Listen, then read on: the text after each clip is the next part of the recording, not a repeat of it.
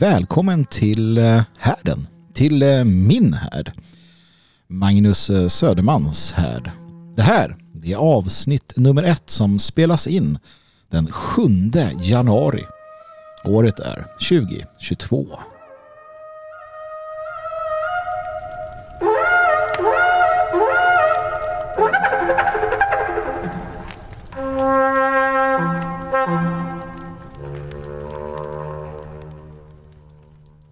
Ja men då var vi igång. Va, välkomna ska ni vara till Magnus här. Med mig som sagt Magnus Söderman och eh, det är dags för en ny omgång med ett eh, eget eh, ett eget poddprojekt, en egen eh, liten kanal här ute i, i verkligheten. Det var ett tag sedan jag, eh, ett tag sedan jag sände solo. Ehm, um, Godmorgon med Magnus var det sist och då var det ju ett litet annat upplägg än vad vi har den här gången. Det var morgonradio. Det var därtill varje dag, i alla fall varje vardag. Nu eh, har jag bestämt mig för att lugna mig lite. Jag har ju trots allt annat att göra så att nu är det varje eh, vecka istället. Då. Och fredagar är den dag då jag tänker att det är dags att man både spelar in och publicerar det här. Men eh, mycket kommer väl säkert vara likt också förutom att jag är äldre. och med ålder följer ju visdom, det vet ju alla. Så att eh, troligtvis har jag blivit visare också. Så vad har vi att vänta oss då? Ja, alltså jag skrev en liten sån här lista på vad jag får ta upp i eh, härden. Och eh, det är det som är sånt som intresserar mig såklart. För det här är min härd. En härd för övrigt, eh, om ni inte vet vad det är så är det en liten eldstad, en plats där man kan sätta sig runt kring. Jag tror att ni alla har gjort det någon gång. Och jag tycker att det på ett fint sätt eh, förmedlar det jag vill att det här ska vara. Det ska vara en plats där vi träffas, där vi samlas och eh, lyssnar. I det här fallet blir det att ni lyssnar på mig för att det är jag som, som spelar in. Va?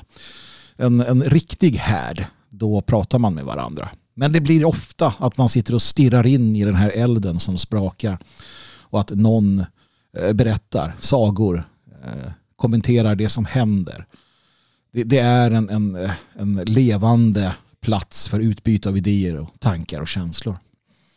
Så någonstans hoppas jag att det är det vi kan eh, bygga här eller jag kan förmedla till er. Magnus här och eh, som sagt passar det inte så kan du sticka härifrån för att vi behöver ju inte dig. Det är ju du som behöver härdens folk. Eh, uppskattar du inte det som sägs? Nej men gnäll då inte. Tyck inte synd om dig själv för att du blev utsatt för idéer du inte hade tänkt att du skulle behöva utsättas för. Utan sluta då. Gör något annat med ditt liv. det är inte svårare än så. Kan jag tycka i alla fall. Men, eh, eh, och, det är ju det som spelar roll för det är jag som, eh, det är jag som gör det här. Nej, den här världen som vi kommer se i otaliga avsnitt framöver är full med människor som inte kan sluta eh, tro att alla ska ta hänsyn till just deras idéer, tankar och som inte förstår vare sig skämt eller annat. Det är jobbigt att leva i detta. Det är jobbigt att leva i detta, men eh, vi har ju varandra, kära vänner. Och ja, som sagt, jag, jag ber att få återkomma till detta lite grann för att det är eh, såklart så att jag har gett mig in i det också. Den typen av diskussioner. Men eh, det är eh, första veckan på nya året 2022. 2021 eh, har vi ju pratat om i olika kanaler. Jag ska inte älta det så mycket. Men för egen del så var det ett, ett år med, med stora eh, förändringar. Eh, jag tror att jag var väldigt nära att gå in i den där beryktade väggen. Det har ju ändå varit på gång i tio år. ja, det är ju det också. Det är i år, tio år sedan jag började Eh, började befinna mig i eten tack vare eh, Dan Eriksson faktiskt som fick in mig på det här spåret. Så att tio år firas utav, eh, utav radio, podd och, och liknande och det får vi återkomma till här framåt mars när det är dags. Nej men som sagt 2021 var ett sånt där år då mycket skit privat och personligt hände. Eh, och som sagt, den där beryktade väggen den, den närmade sig nog med stormsteg. Där. Jag tror att jag lyckades av, avvärja en total inspringning. Men eh, det, det, kräver, det kräver sin eh, man och kvinna för den delen. man har ju så mycket man vill göra och man känner ju att tiden är så kort. Va? Så det är svårt att, att ha den här balansen och det är ingenting som jag varit duktig på direkt under åren att ha balans i livet. Så det har jag lärt mig. Eller håller på att lära mig såklart. Och jag, jag kan ju föreslå för er alla att eh, luta er tillbaka någon gång då och då och fundera lite över det där själva. För att eh, det, det, vi behövs, var och en av oss behövs på vår, eh, vad säger man, A-game. Så att vi har, inte, vi har inte tid och vi har inte uh, liksom den lyxen att kunna, uh, kunna för, vad heter det? Här, inte härda ut, förta oss i tid, brinna upp. Äh. Vad det nu heter. Um, så att, nej men det, det, är sånt där som, som eh, och bland annat därför så blir det ju en gång i veckan med detta och ja, annat sådär. Man ska hålla, eh, så enkelt är det och eh, så viktigt är det att vi gör det. Men ändå så kan jag inte annat än att känna en viss sån där, ja men du vet, man ojar sig för att åh, det är så mycket att göra. Eller, alltså att, att man, det är ju svårt att värdera bekymmer eller värdera påfrestningar. För att å ena sidan så här, ja, nej, men det förra året var jobbigt och ja, man höll på att gå in i väggen och allt, de här, allt det här. Liksom. Ja. Och sen tänker jag då på, det är ju vecka ett nu och det innebär då att äh, äh, tittar vi tillbaka historiskt och jag vill att vi gör det, det är vecka ett och därför kan det vara värt att vi alla eh, minns en händelse i, i vår svenska historia. Och det är det som kallas för Karolinernas dödsmarsch. Känner du inte till den så eh, föreslår jag att du söker på Karolinas dödsmarsch i, eh, i efterhand här och, och, läser på om det. Men vad det handlar om i grund och botten så är det att eh, de svenska Karolinesoldaterna som befann sig i Trondheim under Carl Gustav Armfeldts befäl de fick ju, och det är ju norra, norra Norge så att säga, de fick alltså besked om att Karl XII hade stupat. Det hade förvisso skett en månad tidigare, men ja, nyheter spreds inte lika snabbt på den tiden. Och när de får detta beskedet att, att Karl XII har stupat, eh, då inser man att ja, det finns inte mycket annat att göra än att börja eh, ta sig hem mot, mot Sverige. Och det inleds då på nyårsnatten där, inleds i början, eh, om jag inte missminner mig helt, utav, utav året. Och ja, nyåret 1719 så eh, börjar man med att vandra tillbaka över Tidalsfjällen då i Tröndelag. Och det här är ju inte den bästa tiden att, att göra detta på utan det här blir ju en, en fruktansvärd dödsmarsch eh, som äh, man, man kan läsa om i, i i eh, historieböckerna. Um, och, och, flera tusen soldater eh, går, går åt i, i den här. Um, det, det, det, är en, det är en, det är en eh, jag menar just det är det jag menar. Eh, man kan tycka att e-, ens egna problem är besvärliga. Hur fan stod de ut för? Den här typen av påfrestningar och den här typen av eh, utav utmaningar, om man ska kalla det för det. Man undrar hur de här människorna var funtade. Vad skilde de från oss? Hur, hur, eh, hur härdades de i livet? Jag vet att det finns många som har den här drömmen eller idén om att man vill leva som man gjorde förr. Att man vill ja, men civilisation någonstans dåligt och, och utveckling och sådär. Utan det ska vara som det var förr stampat jordgolv och en liten eldstad i mitten. Jag tror inte att det är en, en, eh, en, en väg framåt. Det är en väg bakåt naturligtvis. Eh, och jag vill inte tillbaka dit. Jag gillar civilisation, jag gillar utveckling. Det gjorde mina förfäder också. Jag lovar er att karolinerna eh, som marscherade över fjällen hade hellre haft eh, snöskotrar eh, eller bandvagnar eller vad man nu kan tänka sig än att behöva vandra över där.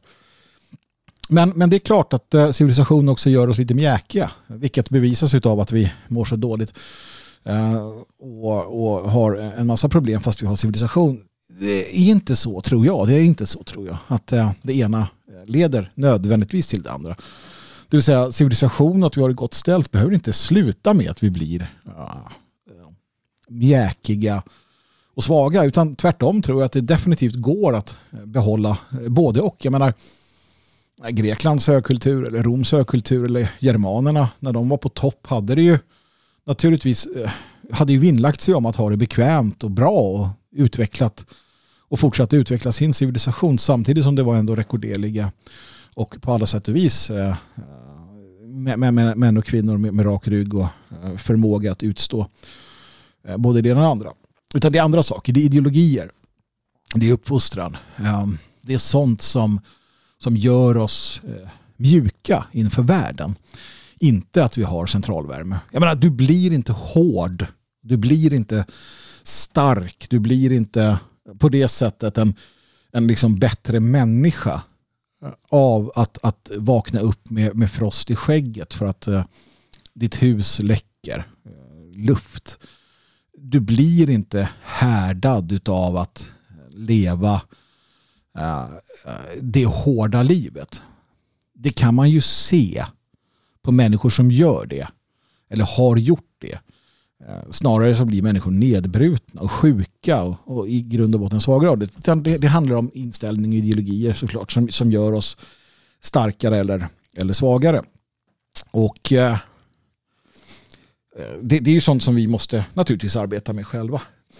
Men, eh, nej men som sagt, då, värt att komma ihåg då våra, eh, våra soldater, våra karolinersoldater som marscherade över eh, fjällen, Carolines dödsmarsch eh, och eh, hela den biten. Som sagt, gå, gå gärna in och, och läs, eh, eh läs om det här och, och hela den, den, historien. Jag vet att det har skett, jag vet inte om det görs fortfarande, men det var människor som tog egna initiativ och följde i Armfältssoldaternas spår och, och, gick den här, eller tog den här fjällvandringen ingenting jag, för, för, ingenting jag rekommenderar att du gör om du är otränad eh, vid den här tiden på dygn, året. Utan i sådana fall kanske det är bättre att göra det på, eh, på, på sommar, sommarhalvåret. Men det kan vara en pilgrimsfärd så god som någon. Faktiskt. Nej men som sagt, eh, Eh, många människor fryser ihjäl och, och, och det, var, det var på alla sätt och vis ett umbärande. Och det är någonting som vi ska minnas så här i inledningen av året tycker jag. Våra förfäders eh, kämpande och eh, deras strävan på alla sätt och vis. Nåväl, vi är igång som sagt. Härden är här, elden är tänd och ni sitter här kring den och jag hoppas jag ska kunna ge er lite, lite att tänka på, lite matnyttigt och lite intressant och ja, hela den biten. Eh, innan vi går in på det så lite sån här formalia. Um, tack ska ni ha först och främst. Tack för att ni lyssnar. Tack för att ni sprider.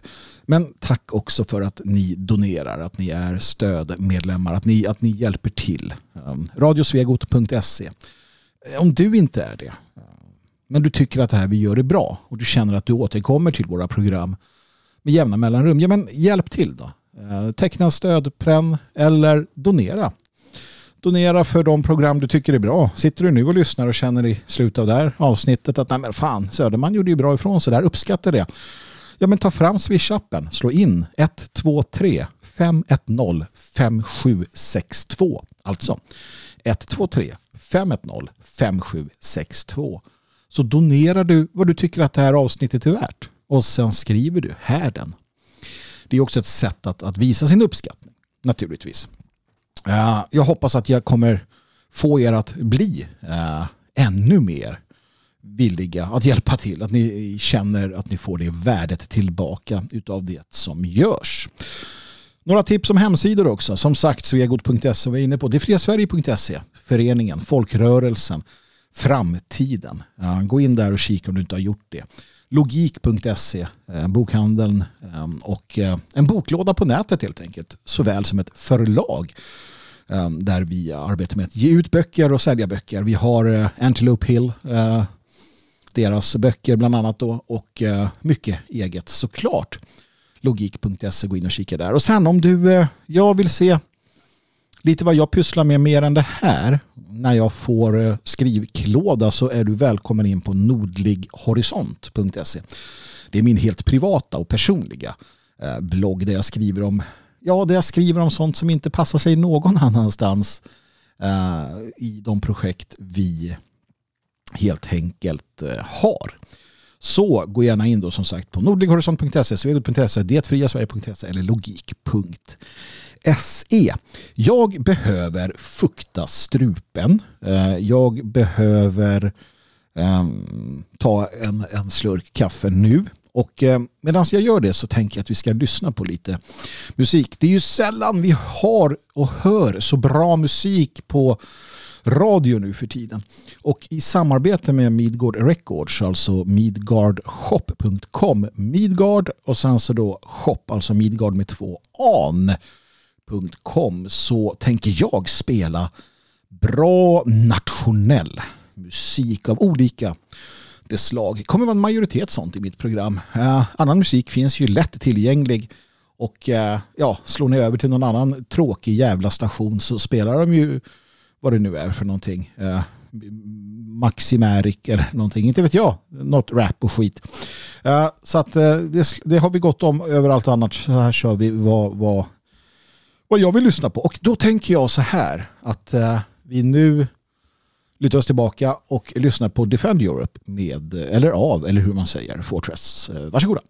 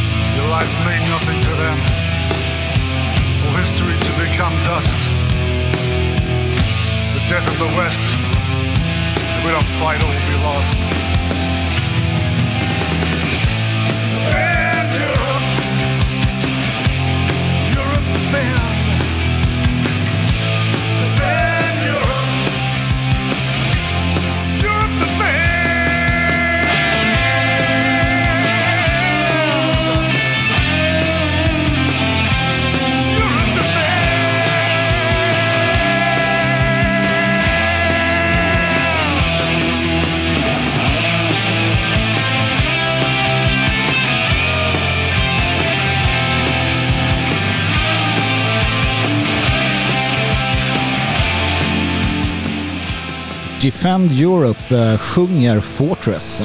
Och det är frågan kära, kära lyssnare. Defend Europe, ja det är väl alltid någonting vi eh, pratar om och tycker. Frågan är, pratar vi bara om det eller gör vi det också? Det är den stora frågan och det viktiga egentligen. Man kan prata jävligt mycket om problem men eh, gör man ingenting åt dem, ja men då blir det ju ingenting gjort, eller hur?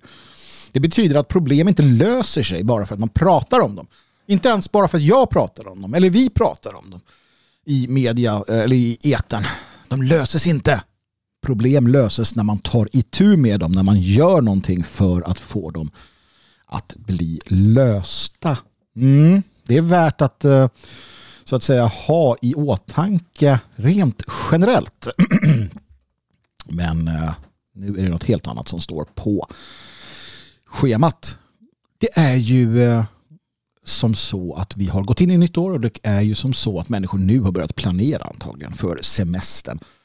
Jag minns när jag började jobba och jag förstod att man redan i december någonstans var tvungen att börja lämna in eh, semesterdagar för att eh, de skulle få ordning på det. Eh, och det kan man ju förstå, det är väl många, många som ska iväg och sådär. Och då uppstår ju den här frågan, vad ska du göra på semestern? Det kan vara skönt att tänka på det nu när det viner kalla vindar och snöar runt om utom, utom, utomhus här. Det gör det här, jag sitter och tittar, eller står och tittar ut samtidigt som jag, som jag spelar in. Och det är kallt och eh, snöigt. Så vad gör du på semestern? Ja, det vet inte jag. Men någon jävla ordning får det väl vara i alla fall. Kan jag tycka. Jag hittade en tweet som jag blev lite intresserad av.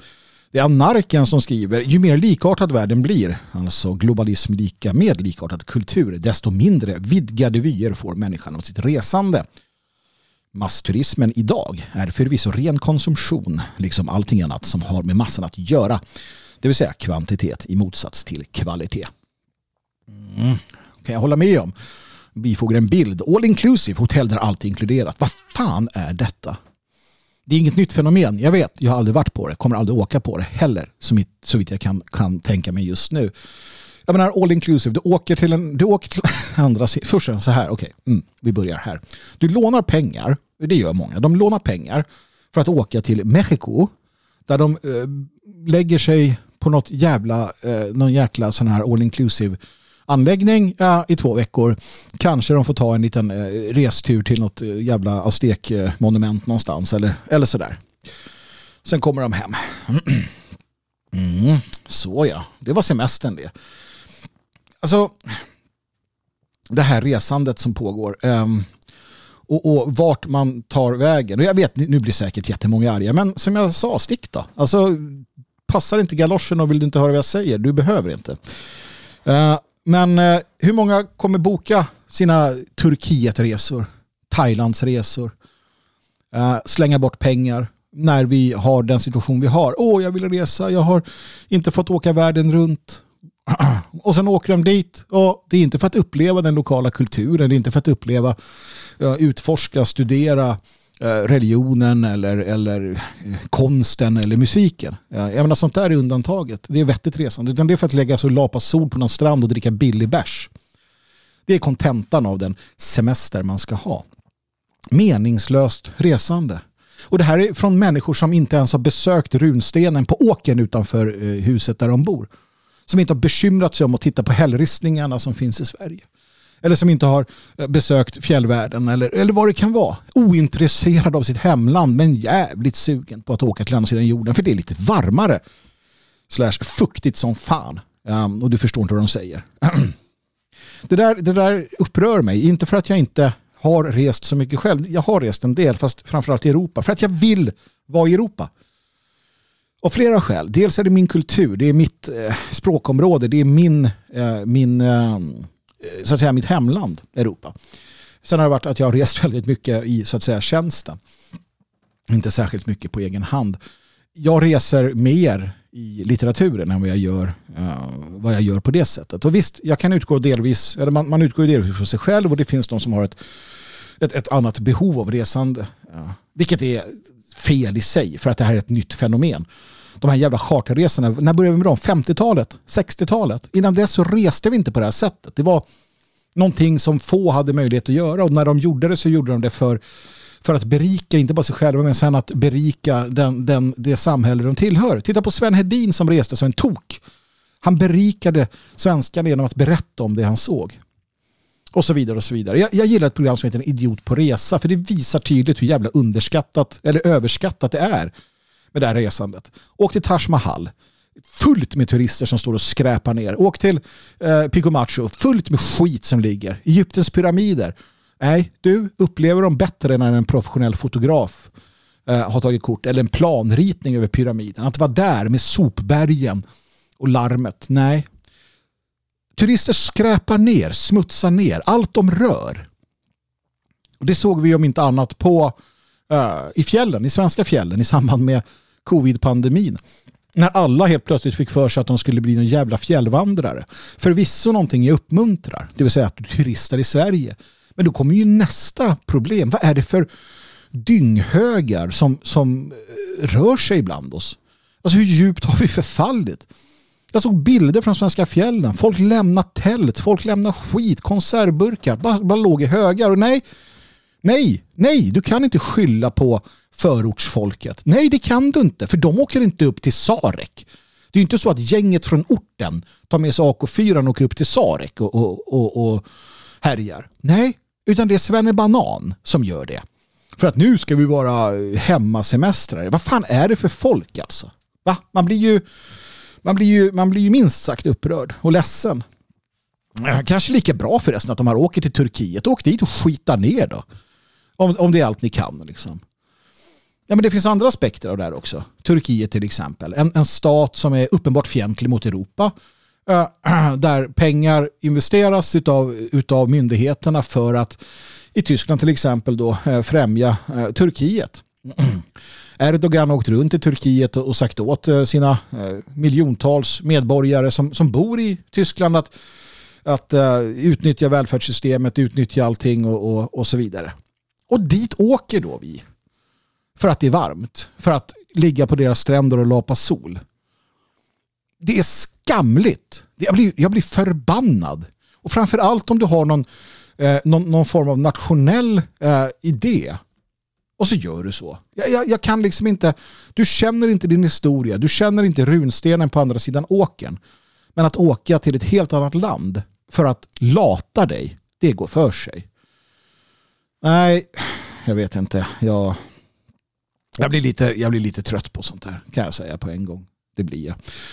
Uh, och, och effekterna har ju varit tydliga. Det är bra, jävla coronan var ju bra på det sättet. Jag, jag, blev rätt nöjd med att de ställde in flyg och skit. Folk behöver vara hemma vid. De behöver lära sig om sin egen historia, sitt eget land.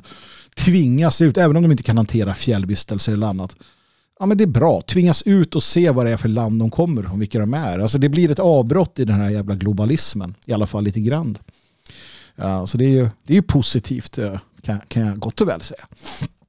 Men i alla fall, Eh, det här är ju någonting som inte, alltså den här globalistiska eh, liksom, dumheten eh, har ju synts också på, jag såg nu, Venedig till exempel. Fan, det är inte nog med att de håller på att sjunka uh, översvämmade vatten. De är översvämmade av turister också. Ska folk dit och äta en jävla pizza på någon piazza?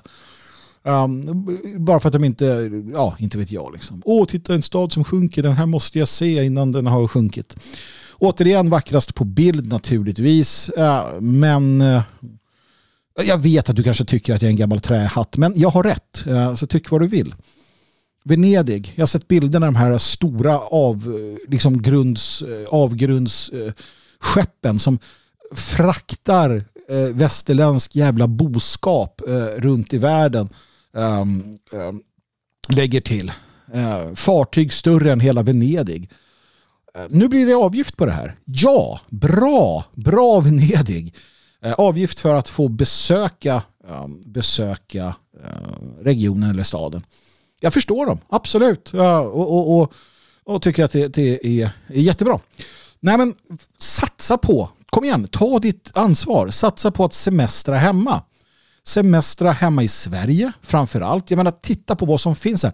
Lär känna din historia, lär känna ditt land. Det måste ju ändå vara liksom första början. Sen kan man bredda sina horisonter och naturligtvis är du, är du jätteintresserad av ett visst kulturfolk eller är du någon form av smygbuddhist eller jag förstår väl att man, att man drar iväg till länder där, där det liksom är, är så. Ska du, ska du uh, undersöka eh, ariernas ursprung i Taklamakanöknen eller, eller följa uh, israelitiska skyternas spår. Ja, men, det är klart att du måste åka någon annanstans och göra det. Men det här jävla okynnesresandet, nöjesresandet för att ligga och lapa sol, nej, det är inte värdigt. Och faktum är, sticker ut hakan här, moderna människor, den moderna människan, homo modernus, förtjänar inte förtjänar inte den fantastiska möjlighet som jetåldern gav oss. Det är min fasta övertygelse. Seniorboendet från helvetet har jag skrivit här. Eh, med en, en, en, eh, med en eh, liten eh, passus om att, att familjen, varför är den viktig? Och det fick jag en en, en ny förståelse för igen. Um, återigen från Twitter. Stelbente Sture, han har publicerat fyra bilder från Halmstad och skriver nytt seniorboende i Halmstad. Har ni sett något jävligare? Nu är inte detta uh, titt, te, här, det är inte tittradio med andra ord tv utan det här är uh, bara röst. Men jag ska berätta vad jag ser. Ett seniorboende har byggts i Halmstad. Det är ett uh, en, två, tre, fyravåningshus. Fyrkantigt. Grått helt grått. En grå klump med fönster. Inte bara en grå betongklump mina vänner. Det är en grå betongklump där det ser ut som att det har regnat på den. Du vet, när det regnar på betong, det blir sådär fläckat. Det blir sådär sjukligt. Man mår lite dåligt av att se det. Så är det. Det är så att säga vaniljutförandet. Och insprängt i detta, eh, detta gråa helvete så är det fönster. Små fönster med gula sådär, eh, ni vet, trött spygult uh, karmfärg. Det är då seniorboendet. Alltså vill de, ja det vill de väl, att man ska rullas dit som gamling och bara inse när man rullas upp mot det här boendet. Bara, här ska jag alltså bo. Och så känner man direkt den här viljan att dö. För vem, vem, vem mår bra av detta? Alltså, vi måste förstå, ni måste förstå, jag förstår det redan. Ni måste förstå att det har pågått sedan eh, 68 eller alltså sen, sen eh, socialismen, Socialdemokraterna började med det här så har det pågått en, en eh, kultur, ett, ett kulturkrig som har utspelat sig på flera plan. Varav ett, ett är det arkitektoniska. Så här. Man har förfulat vår eh, värld. Man har förfulat vårt samhälle. För, jag vet inte om det är för att göra att vi mår dåligt eller ska må dåligt. Om det, är själv, om det har varit planen. Um, men det är i alla fall resultatet. Alltså ett, ett, en orsak till att människor har mått, mår dåligt i småstäder till exempel. Om ni tänker er gamla bruksorter. Och så. En orsak till det är ju för att det är så jävla fult. För att arkitekturen är ful. För att man rev stadskärnor. För att man rev Storgatan. Man byggde upp sin sin fyrkantiga, gråa, eh, effektiva, tyckte man då, eh, nya värld. Om du bor i Gamla stan så är det vackert. När du går ut, det är vackert. Om du bor i, eh, om du går ut i Örebro, i Vadköping, så är det vackert. Det är trevligt, du mår bra. Men går du ut i en modern stad, en modern liksom, stadsplanerad stad, eh, så mår du dåligt. Och att konstant utsättas för detta får dig att må dåligt. Alltså, bor du på det här eh, seniorboendet i Halmstad, du mår dåligt. Du går därifrån och vill inte komma tillbaka. Du, du befinner dig i den här själlösa avgrunden. De vill oss verkligen illa, hörni. De vill oss verkligen illa. Och det här visar ju också på varför det här med familj är så viktigt. Vi hade ett annan nyhet om att gamlingarna eh, berättar att de förstår, de, de, de upplever att personalen där de bor inte förstår vad de säger. Och det är inget nytt. Jag minns att min, min farmor salig åminnelse hade en sån upplevelse för många, många år sedan när hon träffade och pratade med sin läkare. För övrigt en kompetent man antagligen. En trevlig människa. Men förstår man inte varandra så spelar ju det ingen roll. Eller hur? Det spelar ju ingen roll om du har världens bästa läkare. Om du inte kan kommunicera med den. Ja. Samma sak med, med då äldrevården såklart. Eller äldreboende. Om personalen och du inte förstår varandra så spelar det ingen roll hur goda och snälla och mysiga och trevliga de är. Och när du är 86 år gammal och försöker kommunicera ditt behov till någon som inte förstår språket, som inte har någon som helst insikt i kulturen, som på sin höjd har en veckas SFI i bakfickan och som kanske därtill är gömd bakom någon slöja. Nej men snälla, vad är det för tortyr som, som de gamla utsätts för? Det är ju frågan. Hamnar man inte på, på vederstyggliga äldreboenden så hamnar du på en plats där du inte förstår vad folk säger. Och vi såg under coronapandemin vad det där slutade med. Den här äh, importen av folk som har satts i... Alltså hur fan kan man se äldrevården som någon, någon form av så här... Där placerar vi de som inte kan språket. Där placerar vi de som är nya. Alltså hur tänker man? Det är också så, där, där blir man ju fundersam och tänker, hatar de oss så mycket? Är det verkligen så? Det kanske är så. Men om då systemet hatar oss så mycket, vilket de uppenbarligen gör, hur viktig är inte familjen? Och, och här, snälla kära du, förstå hur viktig familjen är. Jag, jag kan inte nog understryka detta. Uh, alternativen finns ju här Eh, framför våra ögon. Seniorboende där du inte förstår vad någon säger fult som fan, ja, ganska tråkig tillvaro. Eller en älskad eh, son, dotter, en älskad familj som tar hand om sina gamla. Vi har lärt oss, och det här är ett av de största brotten mot oss, vi har lärt oss att staten ska ta hand om oss. När mamma och pappa blir gamla, in på hem med dem, så tar staten hand om dem. Bara det borde få dig att känna kvällningar vad fan har, vad har de gjort med oss? Hur fick de oss att tycka att det är en bra idé? Att knyta upp banden och skicka iväg gamlingarna till något hem där någon annan... Alltså, det är på djupet så fruktansvärt. På samma sätt som att eh, Eh, själva idén om barnförvaring i grund och botten rent filosofiskt är en, en, en fullständigt barock vedervärdig institution att man överlämnar åt andra ens käraste för att de och inte du ska ta hand om dem. Man kan säga att ekonomin ser ut som den gör, jobb och så vidare. Ja, ja, ja, jag vet allt det här. Jag förstår allt det här. Men vi måste väl ändå ha förmågan att kunna se en annan vision. Vad är vi ute efter? Jo, vi är ute efter ett samhälle där man är hemma med barnen. Och jag skiter i om det är mannen eller kvinnan som är hemma med ungarna. Det får ni väl göra upp själva. Det är inte min sak att lägga mig i. Möjligheten måste finnas. Vi måste ha ett samhälle där vi har ett samhälle som är format ut efter de viktiga aspekterna. Ett samhälle där familjen är det viktiga. Alltså att familjens eh, behov är det som så att säga kontrollerar och styr hela samhället. Inte eventuellt att eh, aktie, aktierna ska gå upp eller att, att eh, vd ska tjäna pengar eller vad fan det nu kan vara. Utan grunden ska vara familjen till exempel. Vilket då i sin tur gör vilket i sin tur gör att samhället kan formas på ett sätt där man är hemma med sina barn så att de blir trygga. Man kan ta hand om sina äldre så att de har ett, ett värdigt slut. Alltså att familjen är den här äh, levande, eh, levande, aktiva eh, ryggraden i samhället. Inte som nu. Det är ett vedervärdigt system. Vi må, alltså, du måste bli arg. Du måste förstå hur, eh, hur hemskt det faktiskt är. Du måste förstå det. Eh, och det gör du genom att tänka på det såklart och fundera över de här sakerna. Eh, och värre kommer det bli som sagt. Så att alltså, jag menar, uppfostra dina barn väl. Ta hand om dina gamla. Jag, jag vet att det kan vara svårt. Va? De är hopplösa, många av dem. Jag har själv gett erbjudande flera gånger. Men ska du inte komma och bo här? Ska du inte...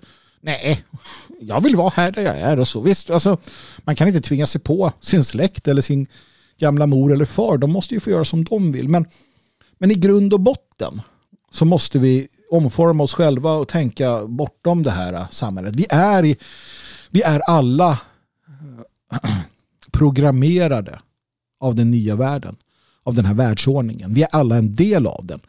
Eh, och, vi måste själva kliva ur den. Vi måste, precis som Kristus säger, leva i världen men inte vara en del av världen.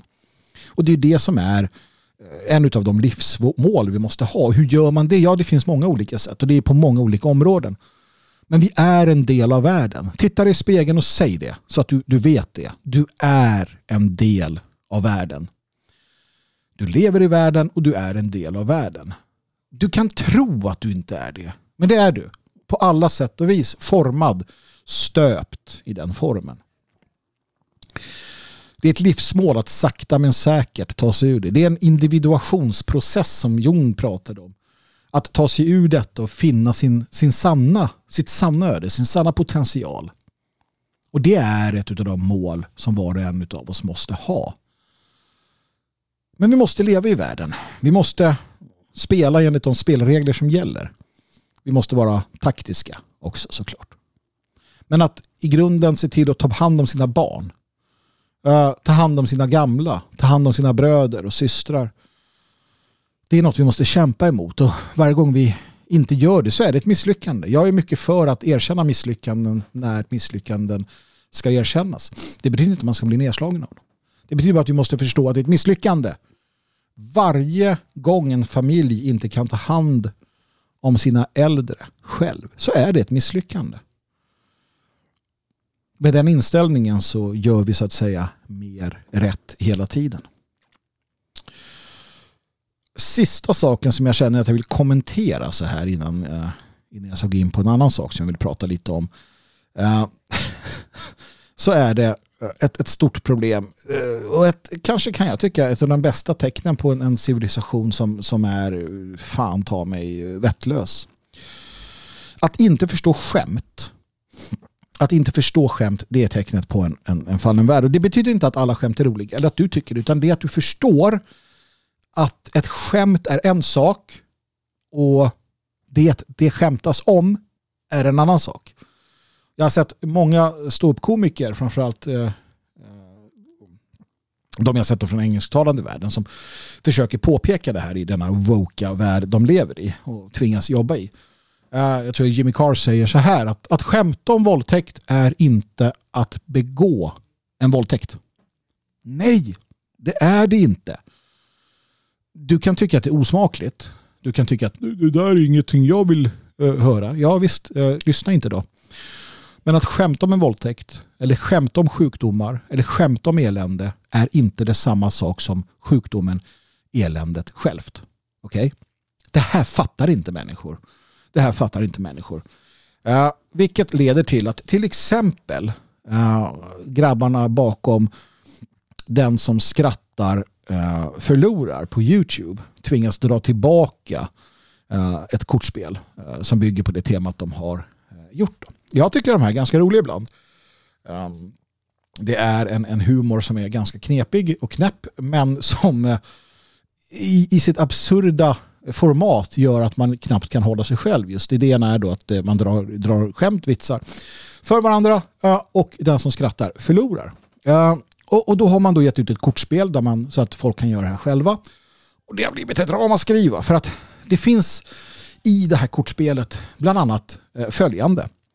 De bästa kvinnorna går att jämföra med ett bra vin. 22 år gamla och inlåsta i källaren. Det är ett av skämten. Det här, jag tyckte inte att det var särskilt kul. Eh, men jag inser också att det är ett skämt. Jag inser att att det är inte att ha 22-åriga tjejer inlåsta i källaren att skämta om det. Förstår ni skillnaden? Eh, ett annat sånt här skämt som är med där man försöker chocka. Det är de bästa kvinnorna går att jämföra med, nej, eh, hur vet man att ens fru har dött? Sexet är likadant, men diskhögen blir bara större och större. Inte heller tycker jag särskilt roligt. Uh, ganska smaklöst, men uh, det är inte samma sak som att ha sin döda fru i sängen. Va? Förstår ni det? Skämtet är inte handlingen. Uh, sen har du då, hur vet man att en kvinna kommer säga något smart? Hon inleder meningen med en man sa till mig. Den där tyckte jag var lite rolig. Den där tyckte jag var lite rolig för att det är ett metaskämt. Um, återigen, det är ett skämt och det är det här som, som, som liksom uh, går så jävla många människor förbi. För att det blir kritik på sociala medier. Uh, det är de som heter Henrik Wahlström som skriver. Köpt i oktober 2021 och det är det mest snubbiga osköna jag sett på länge. Åh, vad gulligt av dig. Där tar han debatten eller tar, tar, tar ställning. Då. Och andra då som hävdar att ja, nej men det, här, det här är ett sätt att förminska kvinnor och bla bla bla bla bla bla bla. Nej, i en sund värld så vet människor att skämt är skämt och inte eh, Eh, och skämt och att det inte är mer med det. Och det är det här som har gått snett eh, som, som så mycket annat naturligtvis idag. Um, och, och, jag eh, vet inte varför men jag var ju tvungen i alla fall att säga någonting. Jag gick in på Instagramkonto uh, som tillhör då um, Newsner tror jag det är som har gett ut det här då. Och där var det ju en massa människor jävligt osköna och tråkiga människor. Fy fan att ha dem i sitt liv. Fy fan att ha de här kärringarna och gubarna för den delen i sitt liv som sitter där och tycker så synd om sig själva för att de är så kränkta. Och jag försökte förklara för en sån här kvinna att ja, men det är ju inte, du måste förstå att, att det är, skämt är skämt och verklighet är verklighet. Och då sa jag, ja men äh, genom att äh, ha de här skämten tillgängliga för människor så påverkas bla bla bla, ojämlikhet, bla bla bla, sexism, bla bla bla. Det vill säga att om, om, om man sitter och spelar ett sånt här spel och har den här, den här typen av skämt så kommer människor börja döda sina fruar då. då. Vi kommer börja ja, men på alla sätt och vis liksom behandla, behandla dem illa. Det är skämten som har gjort det. Det är, det är osmakliga skämt som har gjort det. För fan att ha med den här kvinnan att göra, Louise eller vad hon hette, jag minns inte, jag ska inte hänga ut henne. Men för fan att behöva vakna bredvid henne varje morgon. Men det är också en sån antagligen som sitter och läser 50 shades of Grey. Eftersom vi vet då, återigen ska jag bara få be och tala om att när, när man undersöker hur kvinnor eh, konsumerar erotik så är det ju inte vaniljsex som de verkar tycka mest om. I alla fall. Eh, ja, och, och det har sina bio, biologiska eh, orsaker. Sen kan de sitta och tjuta höganski här, feministkärringarna, om hur synd det är om dem. Men i slutändan så, så, så är de Eh, det är något helt annat. Jag, jag, kan inte sluta tänka på den gången då eh, man berättade om, eh, då några feminister berättade om de hade haft någon, jag tror det var så här skammanifestet, de hade gjort någon, någon, någon föreställning om det. Ja, och, och ja, så, så efter föreställningen, det här var någonstans på, på södra sidan av Stockholm, efter föreställningen så gick ensemblen in då och började byta om och så. Och samtidigt som ensemblen gick in och bytte om så satte sig ett gäng karar eller män eller pojkar, ja, eh, vuxna män i alla fall, då på scenen i någon jävla cirkel eh, och, och började prata känslomässigt om det här skammanifestet och så här feministisk teori bla bla bla. Och de här tjejerna då som alla var radikalfeminister satt in i sina loger eller satt in i omklädningsrummet och eh, någonstans hånade de här männen. Vad är det för jävla töntar? Vad är det för tofflor? Och efter att de hade gjort det ett tag så insåg de att men vänta, vad håller vi på med? Ja, men för att ni är som ni är. Ni vill inte ha det på det sättet. Alltså det är så dumt allt det här. Ja, nu ska jag inte villa bort med den här diskussionen, den här debatten, men så här. Återigen då. Att, att skämta om våldtäkt, det är inte att begå en våldtäkt. Och om du tycker att det skämtet är plumpt och tråkigt, ja då behöver du inte skratta jag tittar en del på stand-up själv. Um, jag kan tycka det är kul. Bland annat Jimmy Carr tittade jag på, jag tror han heter det. I alla fall, jag tittade på, tittade på honom här sistens, hans nya, hans nya eh, show. Och det fanns en hel del skämt jag tyckte var jävligt tråkiga. Och eh, en del som definitivt inte föll mig i smaken. Jag tyckte att han, han var liksom dum, eh, idiotisk. Men det är ju inte mer med det. Jag vet inte, vad ska jag göra åt det? Ska jag klaga? Ska jag skriva på Twitter, nu var du dum? Alltså, och det här görs av då feminister och, och amerikanska tokkristna och alla möjliga knepiga typer som så här, nej det här går inte för sig istället för, för att, för att uh, lägga på. För de, de vill att deras idé ska vara all, allena rådande. Och feministisk, ja, ja feministiska stand-ups, jag vet inte. Jag vet inte hur kul det skulle vara. Problemet är att det har spridit sig också, att det sprider sig själva idén om att, att du inte ska kunna skämta om allting. Uh, vilket vi har sett med Dave Chappelle, tror jag det var, som fick problem med den här wokeismen och så vidare. Det blir en tråkig värld. Det blir en dödstråkig värld uh, när, de här får, när de här får råda. Det kan man ju liksom uh, konstatera. Nåväl mina vänner, kom ihåg det bara. Och, och använd er av humorn så mycket ni bara kan. Um, och, och, är det någon som drar ett skämt som ni inte tycker är kul, ja men lyssna inte. Alltså det är inte svårare än så. Snart ska jag hoppa på det som jag ville prata lite mer om. Ja, och uh, det handlar om polisen. Uh, och jag, ja, jag får ta det, jag får ta det när, när det blir dags nu. Men i väntan på det så ska vi värma upp lite grann. Och det gör vi med eh, en låt utav Screwdriver. Uh, återigen då musiken uh, i samarbete med Midwood Records. Där har de all musik som man behöver. Uh, nu ska vi lyssna på This Little Piggy med Screwdriver. Som sagt, den här värmer upp inför det ämne som kommer.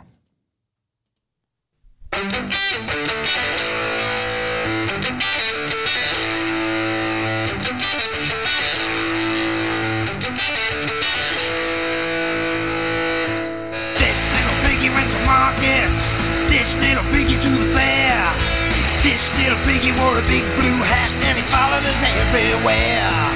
Wherever we go, so does he in his little car. If he works well for the money man, well he knows that he'll go far. This little piggy says that he's the boss. Listen, piggy, we don't give a toss. This little piggy wants to send you down. Don't like people with the mind of their own. This little piggy had a wooden stick, taps it on his hand. Hit you on the head if you speak your mind. Well, don't you think he's grand? This little piggy had a radio to call up all his mates. To plan their lives, to tell or no, to try and steal your faith. Yeah, this little piggy says that he's the boss. Listen, piggy, we don't give a toss. This little piggy wants to send you down. We don't like people with a mind of their own.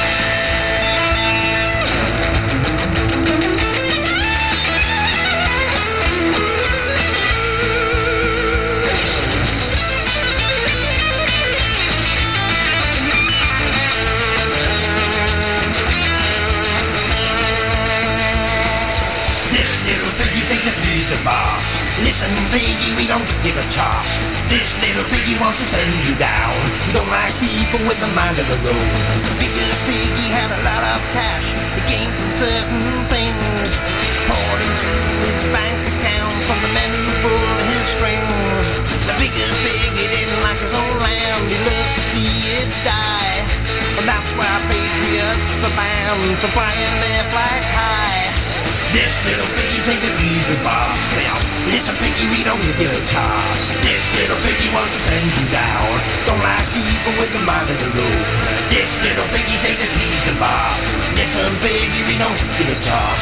This little piggy wants to send you down. Don't like people with the mind of the road.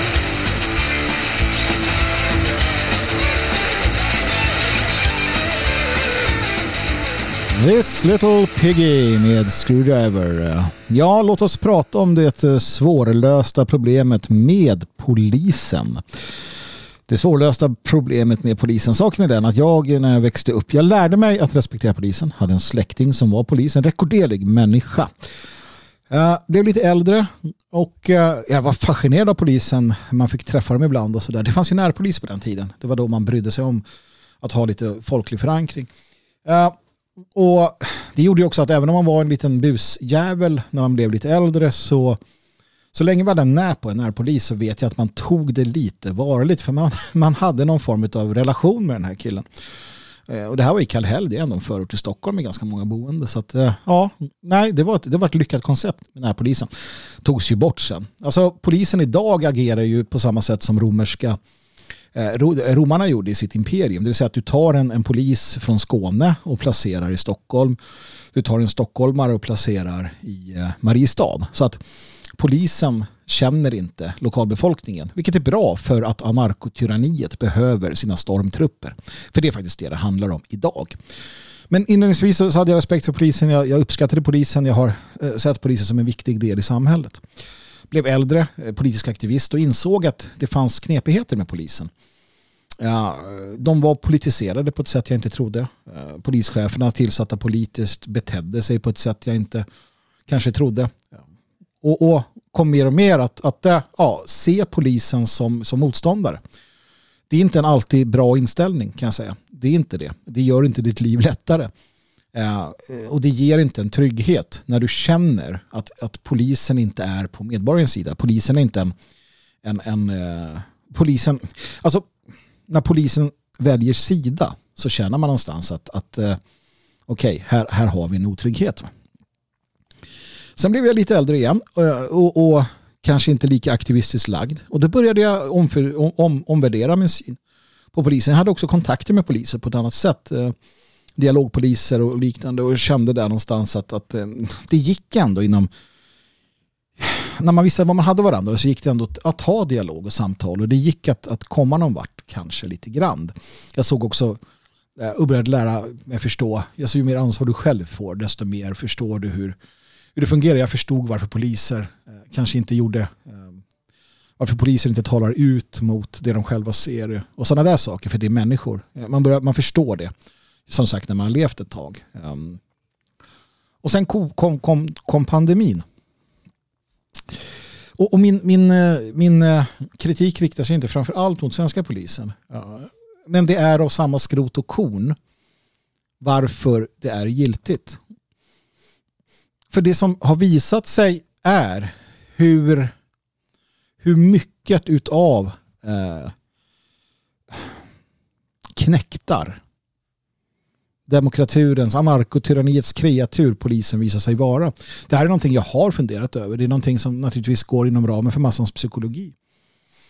Men man vill tro att, att polisen inte lättvindigt blir ett redskap för maktfullkomliga politiker.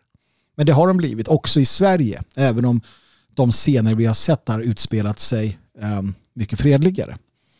Förutom några eh, i sig då fruktansvärda bilder från Medborgarplatsen i samband med någon coronademonstration där man eh, griper och, slår till någon, någon äldre eh, kvinna. Va?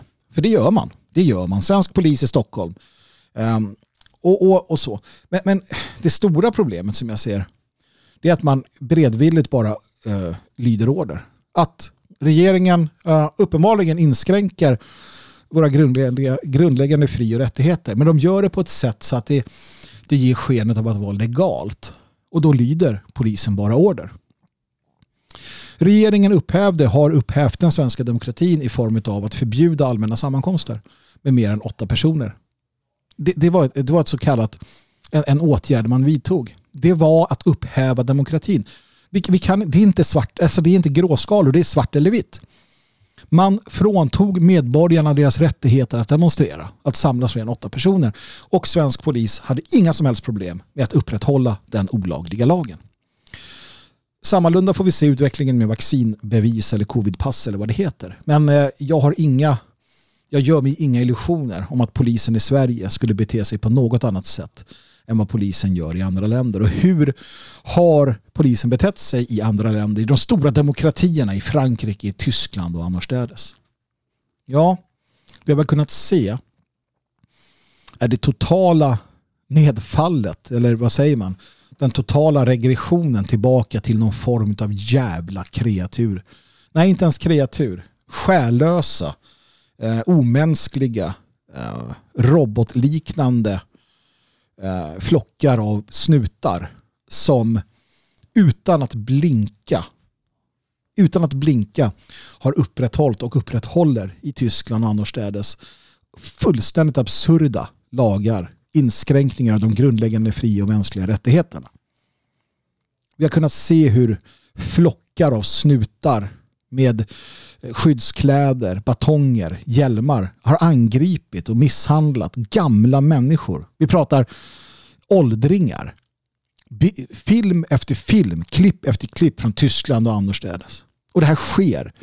Svensk media skiter i vilket. Inga ramaskrier någonstans ifrån. Ja, FN har varit lite sura. Mänskliga rättigheter har tittat på det här och vill ha in lite, uh, vill ha in lite bevis. Vi får se vad det här leder till. Men de, alltså att se tyska poliser, unga män som misshandlar äldre, gamlingar för att de vill vara ute och gå. För att de inte är rädda för ett, ett virus med, med de effekterna som då corona sägs ha. Det är avskyvärt. Så från Nederländerna hur, hur militära veteran, krigsveteraner um, från Eh, armén ställde sig mellan demonstranter och poliser i något futilt hopp kanske om att skydda dem från varandra. Varpå polisen utan att blinka snorvalpar springer in och slår ner de här äldre männen som står med sina medaljer och står med sina baskrar från tiden i armén där de har enligt sig själva gjort eh, sin plikt för, för fosterlandet. Och så kommer dessa avgrundsvarelser, snutjävlarna med sina batonger. Helt hämningslöst. Man ser hur mycket av grisar, tyranner, småpåvar som finns inom de här människorna. Den här kåren. Och som sagt, jag, jag är helt övertygad om att, att detsamma kommer ske i Sverige om det här fortsätter. De kommer vara lojala till 99 procent lojala mot en, en regering, en, en stat som, som eh, helt kastar eh, grundläggande fri och rättigheter på sophögen. För det har man gjort i andra länder. Och varför skulle svensk polis bete sig annorlunda? Som sagt, de upprätthåller redan Sverige AB. De är tyvärr inte våra vänner. Och visst, det gäller inte alla poliser.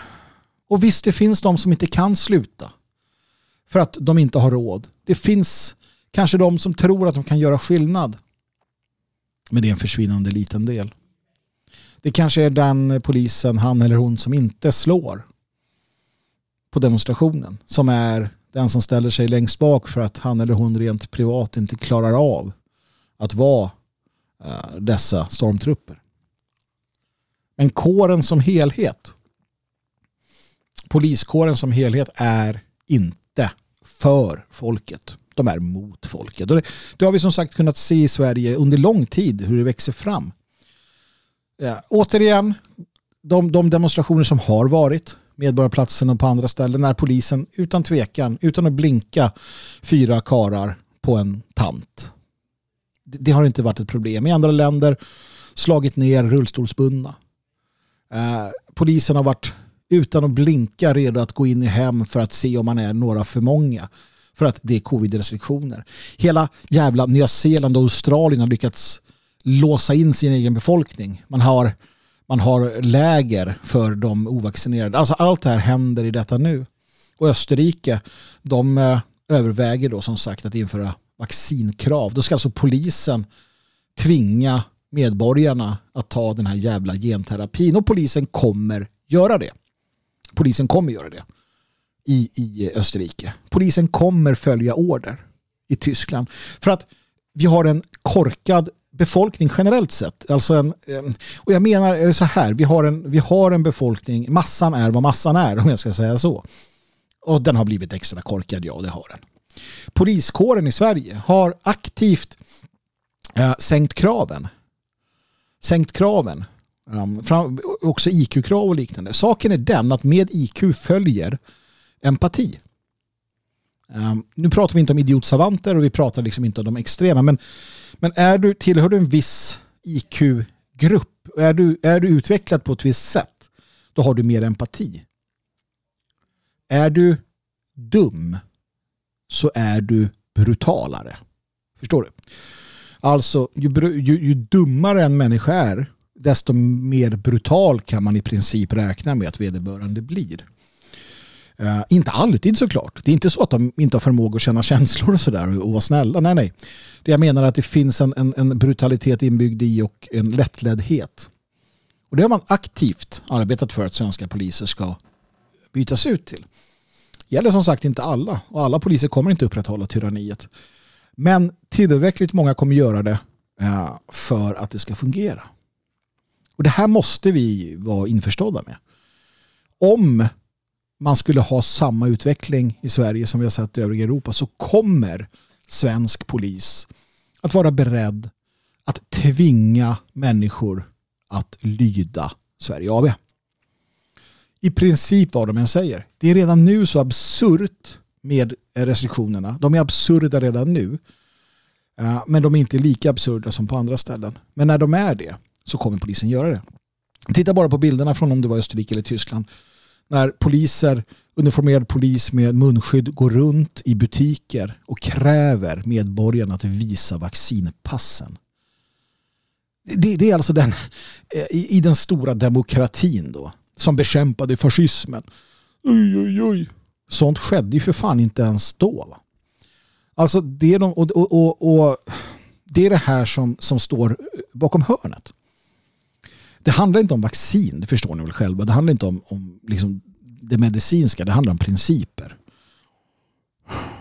Och Problemet är att insikten om detta gör att du får en otrygg värld. En väldigt otrygg värld. För du inser någonstans att polisen är inte dina vänner. Poliskåren inte, är inte till för dig. Poliskåren är till för staten. Poliskåren är till för de styrande. Polisens roll är att skydda de styrande mot dig mot folket. Det var med den insikten som de amerikanska grundlagsfäderna konstaterade att staten ska vara rädd för befolkningen. Inte tvärtom. Och det var därför de såg till eh, att, att folket skulle vara beväpnat.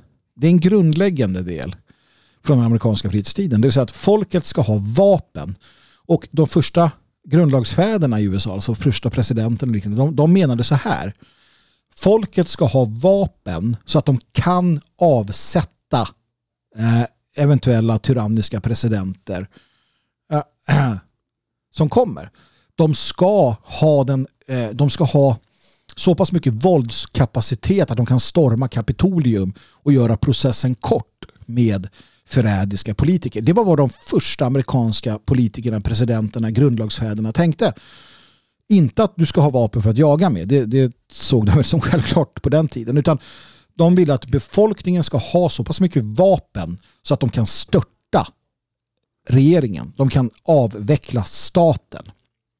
Och det här har varit en grundläggande idé i, i västerlandet. Inom den germanska sfären, definitivt. Återgår vi och tittar till Västgötalagen. Där det står att Svear äga konung att välja och så vräka. Svear äga konung att välja och så vräka. Det vill säga att det är vi. Vi som väljer och vräker ledarskapet. Vi väljer våra företrädare och gör de inte det som är bäst för oss, då vräker vi dem. Och hur vräker vi dem? Ja, det beror lite grann på. Men i USA så menar man att folket ska kunna vräka dem också med våld. Eftersom att makten sällan ger upp sin makt utan våld. I Sverige har man sedan länge eh, förstört ens det tänkandet. Jag menar, det är ju, det är ju, det är snudd på, det är snudd på, på liksom uh, upprors, uh, upprorspropaganda att bara konstatera de grundläggande sakerna. För det är så främmande för så många svenskar. Men det är icke förty så det är. Ja, menar jag att vi ska liksom ta några högafflar och gå mot nej, det menar jag inte. Jag menar att vi behöver en inställning, en, en, en syn på detta. Vi måste förstå vad vi håller på med. Vi måste förstå hur världen är beskaffad. Vi måste förstå vår roll i den och deras roll i den. Och jag är ledsen att behöva säga det. Men polisen är AB Sverige. Sverige ABs gäng. Det är de som upprätthåller AB Sverige. Det är de som ser till så att Sverige ABs dekret går igenom. De gör det inte för din skull, även om de kanske tror det själva, några av dem, utan de gör det för att Sverige AB säger åt dem att göra det. De lyder. De tänker inte själva. Hade de tänkt själva så hade de inte upprätthållit lagar som är uppenbart omoraliska, olagliga. De hade inte stängt in sin egen befolkning. I andra länder som vi ser så används polisen för att stänga in, låsa in sin egen befolkning under månader. Trots att det krossar ekonomier, det leder till självmord, skilsmässor, våld i, i nära relationer, barn som far illa och så vidare och så vidare. Polisen upprätthåller det systemet. Polisen upprätthåller det tyranniska systemet i land efter land efter land efter land. Polisen i Europa skiljer sig inte ett ögonblick från polisen i Kina. Ta det till er. Sug på den karamellen. Och är du polis som lyssnar, jag vet att vi har lyssnare från Säkerhetspolisen. Tänk på det. Du skiljer dig inte. Din kår skiljer sig inte från den kåren du har i Kina. Titta vad ni gör mot befolkningen. Titta vad ni upprätthåller för system. Förstå vad ni håller på med. Vilka ni är. Hur kan du se dig i spegeln när du inser vad det är för system ni upprätthåller? Och det är inte bara covid. Det har pågått länge. Polisen är de som har vetat hur det ser ut på gator och torg. Polisen visste var Tarush kommer ifrån. De visste vilka som begår övergreppen. De visste hur, brottsen, hur brottsstatistiken var på riktigt. De såg det själva, de har sett det själva år ut och år in och hållit käft om det. Det är inte svårare än så. Återigen, vi lever i världen. Men vi ska inte vara en del av den. Och det, det handlar om att, att lära sig och hantera saker och ting. Det handlar om taktik och strategi. Polisen har våldsmonopolet. Och till, till stor del så lyder vi. För att det är det taktiskt rätta. Men det kommer komma, förr eller senare. En gräns som inte får passeras. Där det går för långt. Där man inser att nej, hit men inte längre. Och problemet är att den gränsen tenderar att flytta sig för de pushar oss lite grann. Så att vi accepterar det. Och sen låter de oss vara. Och sen pushar de lite till och låter oss vara. Medvetet eller omedvetet. Det är detta som är eh, en, en, farlig, en farlig utveckling också. Du måste förstå vart din gräns går. Jag vet var min går. Jag vet när den gränsen är nådd och efter den gränsen så spelar ingenting längre någon roll. Tycker du att det är absurt att jag pratar om det här i Sverige 2022? Jag kan tänka mig att många civiliserade människor gör det. Men det är för att vi i sådana fall är överciviliserade. Vi har tappat begreppen, vi har tappat förståelsen för den värld vi lever i. En värld som fortfarande dikteras enkom av de naturliga gudagivna lagarna. Allt det du ser runt dig, det är en chimär. Det är någonting arkitekterna, samhällsarkitekterna skapat. I grund och botten, bakom dessa kulisser så är det de naturliga gudagivna lagarna som gäller svenska lagboken är tjock.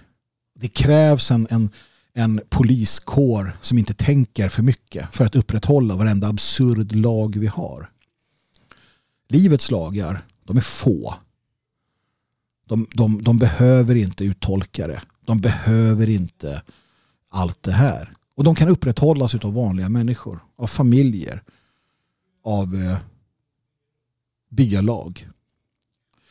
Vi lever i en onaturlig värld och det är därför det behövs stora poliskårer för att upprätthålla lagar och förordningar som är absurda i grund och botten. Men de gör det och det fungerar så här. Och det har fungerat så här länge. Jag hoppas att svensk polis tar jag vet inte, jag hoppas att de tar och förstår vad, vad, vad som händer. Eh, att de, att de inte blir en del av detta. Jag, jag hörde att uh, polska politiker hade pratat om vaccintvång och liknande. Att den polska militären i princip hade sagt att vi vänder hellre våra vapen mot politikerna än att lyda dessa krav. Och, på, på vaccineringar och liknande. Det är ett föredömligt sätt att agera. Polisen, för fan, ni ska vara på vår sida. Ni ska vara på vår sida, på folkets sida. Ni ska inte vara på politikernas sida. Ni ska, vara på vår, ni ska upprätthålla vår trygghet. Det är det samhällskontraktet betyder. Och gör ni inte det, ja, då är ni inte på vår sida. Då måste vi se till att kunna värna vår sida. Då är ni på den andra sidan. Bäst vore om vi och ni och politikerna var på samma sida. Det var så det var tänkt. Det var meningen. Och det har varit så. Det kan bli så. Men det är inte så. År ut och år in så agerar politikerna på ett sätt som gynnar internationella intressen. Som gynnar allt annat än det svenska folket. Och ni som upprätthåller detta system, ni som är en del av det, ni är inte på svenskarnas sida. Svenskarna är på sin egen sida. Vi är ensamma. Ingen kommer göra det här åt oss. Vi själva, vi är de enda som kan göra det. Vi är de enda som kan, så att säga, värna oss själva. Ingen annan gör det. Det är tråkigt, men det är sant. Jag kommer få återkomma till det svårlösta problemet med polisen. Jag har inte kommit med en lösning. Det är, det, det, är svårt att veta. Vi får se vad som händer. Vi följer detta noggrant. Eh, lyssna framförallt på stabsläge, Radio Svegot, angående corona, pandemin och restriktionerna. Jag ska be att få avsluta. Jag tackar för att ni har lyssnat. Jag hoppas att ni har fått någonting av det hela. Som sagt, eh, donera gärna till projektet Svegot, eh, ah, Radio Svegot. Gå in på radiosvegot.se, bli stödmedlem. Stötta oss eh, så att vi kan fortsätta med detta. Skicka en swish på 123 510 5762. Märk det gärna här den så att jag vet att eh, det är min, mitt program som har fått er att känna detta. Hör av er på olika sätt och vis naturligtvis. Besök nordlighorisont.se, min privata eh, hemsida där jag skriver om sånt som inte passar någon annanstans för tillfället. Sveagod.se, händer saker där, kommer hända mer. Detfriasverige.se, en förening för svenskar, av svenskar som bryr sig om svenskar. Och legig.se där du köper böcker. Livets mening tänkte jag avsluta med. Och jag tänker avsluta med det varje gång så att ni förstår vad det är. Och det är August Strindberg som har faktiskt definierat livets mening för oss. Slåss med troll, befria prinsessor, döda varulvar. Det är att leva. Och sist men inte minst, kära lyssnare, ge aldrig upp.